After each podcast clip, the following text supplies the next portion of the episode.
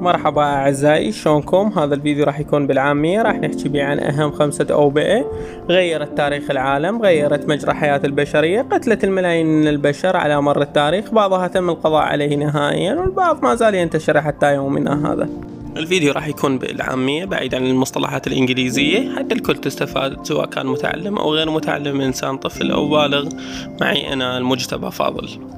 راح نبدي بمرض الطاعون أو الموت الأسود مثل ما يسميه البعض السبب ماله بكتيريا اسمها يارسينيا بيسز هذه البكتيريا تعيش على البراغيث من بعدها تنتقل إلى القوارض وثم إلى البشر أو مباشرة إلى البشر. ها بالمناسبة أكو ثلاث أنواع من الطاعون هو طاعون الرئوي وطاعون تلوث الدم وأهم نوع هو طاعون العقد اللمفاوية والأكثر انتشارا أو الطاعون الدبلي كما يسمى. هذا الوباء ضرب العالم فترات زمنية مختلفة ومناطق مختلفة أهمها أوروبا بالقرن الرابع عشر. بالتحديد بين عامي 1331 1351 وبحلول عام 1349 تفشى الوباء في كل أنحاء أوروبا. يقدر عدد قتلى هذا الوباء من 75 إلى 200 مليون وأشارت البحوث الأخيرة أنه قتل من 45 إلى 50% من عدد سكان أوروبا.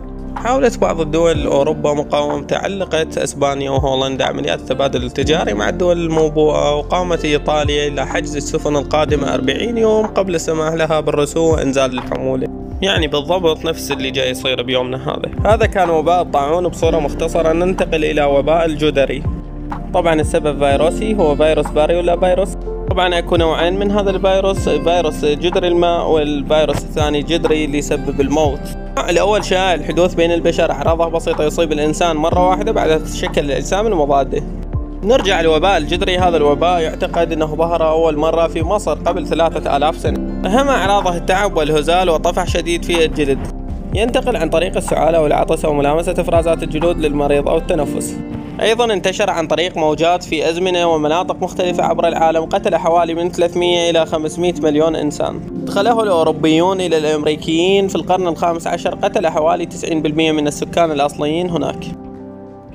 سجلت آخر حالة في دولة الصومال عام 1977 بعدها عام 1980 أعلنت منظمة الصحة العالمية أنه تم القضاء عليه نهائيا. بعد القيام بحملة تلقيح عالمية طبعا. ننتقل الآن إلى وباء الكوليرا. سبب الوباء بكتيريا تسمى فيبريو الكوليرا تظهر الأعراض نتيجة سم تفرزه في الأمعاء تسبب إفراز كميات كبيرة من المياه وبالتالي يسبب الإسهال والجفاف في الجسم. تم القضاء عليها في الدول الصناعية بسبب الصرف الصحي الحديث ومعالجة المياه لكن لا تزال مستمرة في الانتشار في أفريقيا وآسيا. تعتبر منظمة الصحة العالمية موجة التفشي السابعة بدأت عام 1961 وهي مستمرة إلى الآن. وتشير المنظمة إلى وفاة ثلاثة آلاف طفل في اليمن عام 2016 وتبعا لإحصائيات المنظمة أن هذا الوباء يصيب سنويا من مليون ونص إلى أربعة ملايين إنسان ويقتل ما بين عشرين ألف إلى مية وأربعين ألف سنويا. ننتقل الآن إلى وباء الإنفلونزا الإسبانية.